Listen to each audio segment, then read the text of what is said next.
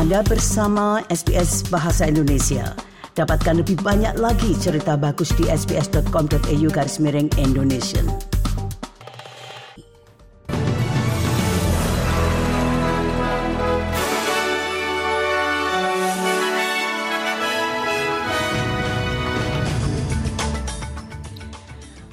Warta berita SBS Audio untuk hari Rabu tanggal 28 Juni.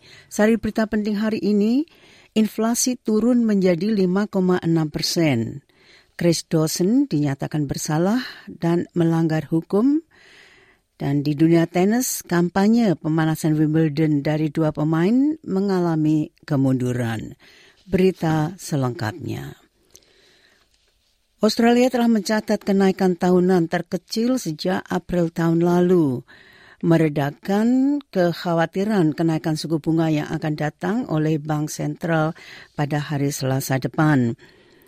Data baru dari Australian Bureau of Statistics atau ABS menunjukkan indeks harga konsumen naik 5,6 persen dalam 12 bulan hingga Mei, melebihi prediksi ekonomi tentang penurunan dari 6,8 persen pada April menjadi 6,1 persen. Bendahara Federal Jim Chalmers mengatakan meskipun surplus anggaran bisa jauh lebih besar dari 4,2 miliar dolar yang diperkirakan bulan lalu, inflasi yang tinggi dan tantangan global akan secara signifikan memperlambat ekonomi domestik. So inflation is moderating in our economy. We've seen that again today. We want it to moderate faster because cost of living pressures are still the defining challenge around the kitchen table and around our economy. Nah, mantan guru sekolah Sydney dan pemain rugby Chris Dawson telah dinyatakan bersalah melakukan hubungan seksual dengan salah satu siswa di bawah umur pada tahun 1980-an. Chris Dawson yang sudah menghadapi hukuman penjara seumur hidup atas pembunuhan istrinya, kini telah dihukum karena melakukan hubungan seksual dengan seorang gadis saat dia berusia antara 10 dan 17 tahun. Pria berusia 74 tahun yang akan dijatuhi hukuman pada bulan September itu tidak menyangkal melakukan kontak seksual dengan siswa tersebut atau bahwa mereka mulai saat dia masih menikah dengan istrinya, tetapi dia mengklaim bahwa dia berusia 17 tahun ketika hubungan mereka menjadi intim. Dalam sidang hakim sendiri terakhir, Chris Dawson mengakui tidak bersalah tetapi Hakim Sarah Haggett menyampaikan vonis bersalah pada hari Rabu 28 Juni setelah sidang pengadilan distrik New South Wales. While none of this evidence is capable alone or collectively of proving the offence charged, I find it provides powerful support for the complainant's evidence that the accused committed an act of carnal knowledge while she was 16 years of age in his, and his pupil Penyelidikan parlemen telah merekomendasikan tindakan keras terhadap iklan perjudian online, menuduh industri memanipulasi audiens yang mudah terpengaruh.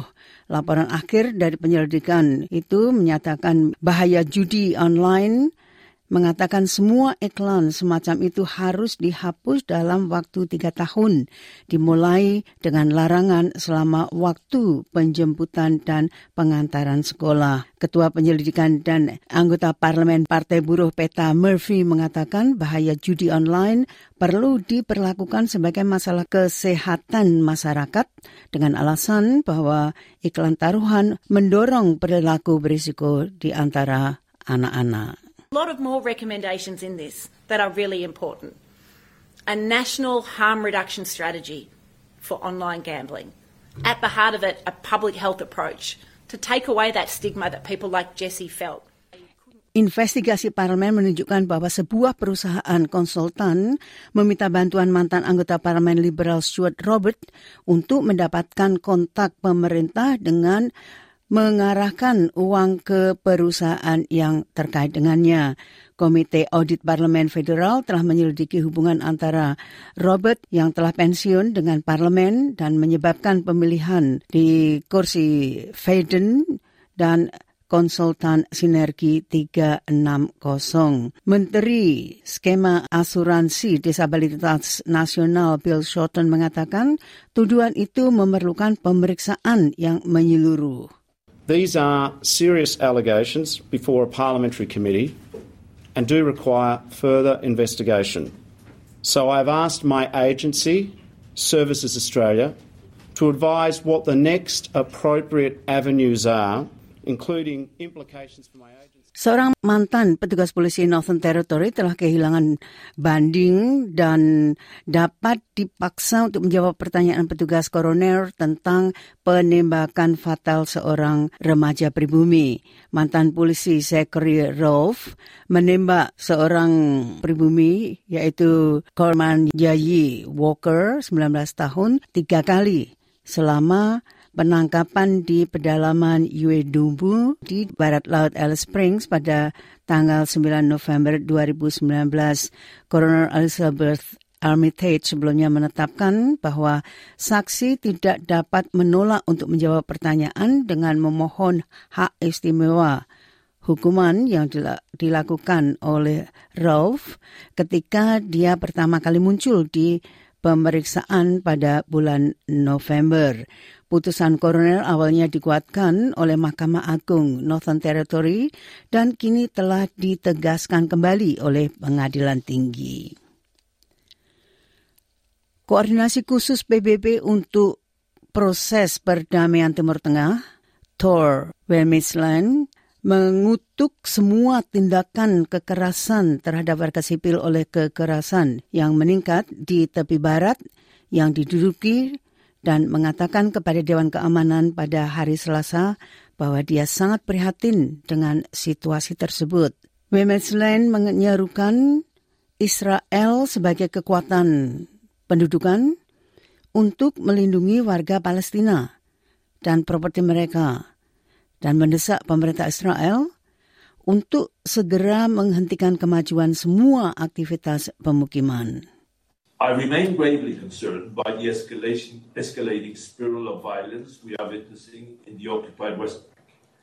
I condemn all acts of violence against civilians, including all acts of terror, which exacerbate mistrust and undermine a peaceful resolution to the conflict.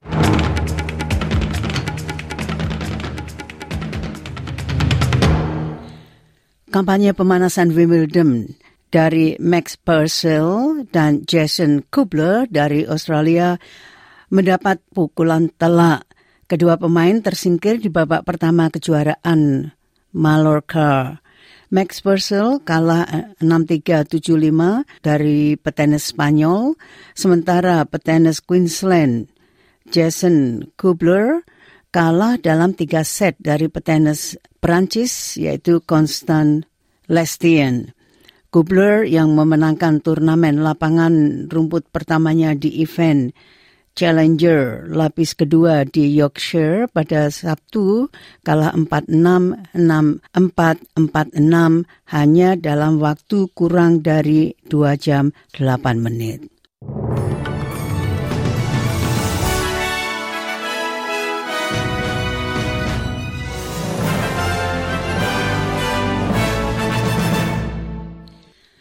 Nah sekali lagi sari berita penting hari ini, inflasi turun menjadi 5,6 persen. Chris Dawson dinyatakan bersalah dan melanggar hukum. Dan dari dunia tenis, kampanye pemanasan Wimbledon dua pemain Australia mengalami kemunduran. Sekian warta berita SBS Audio untuk hari Rabu tanggal 28 Juni.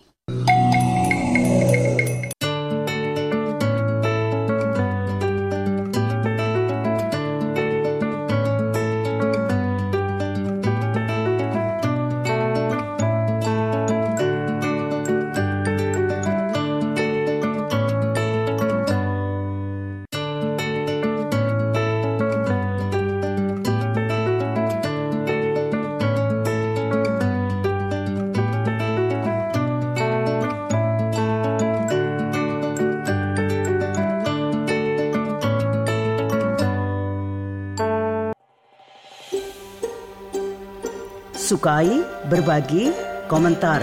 Ikuti SBS program Bahasa Indonesia di Facebook.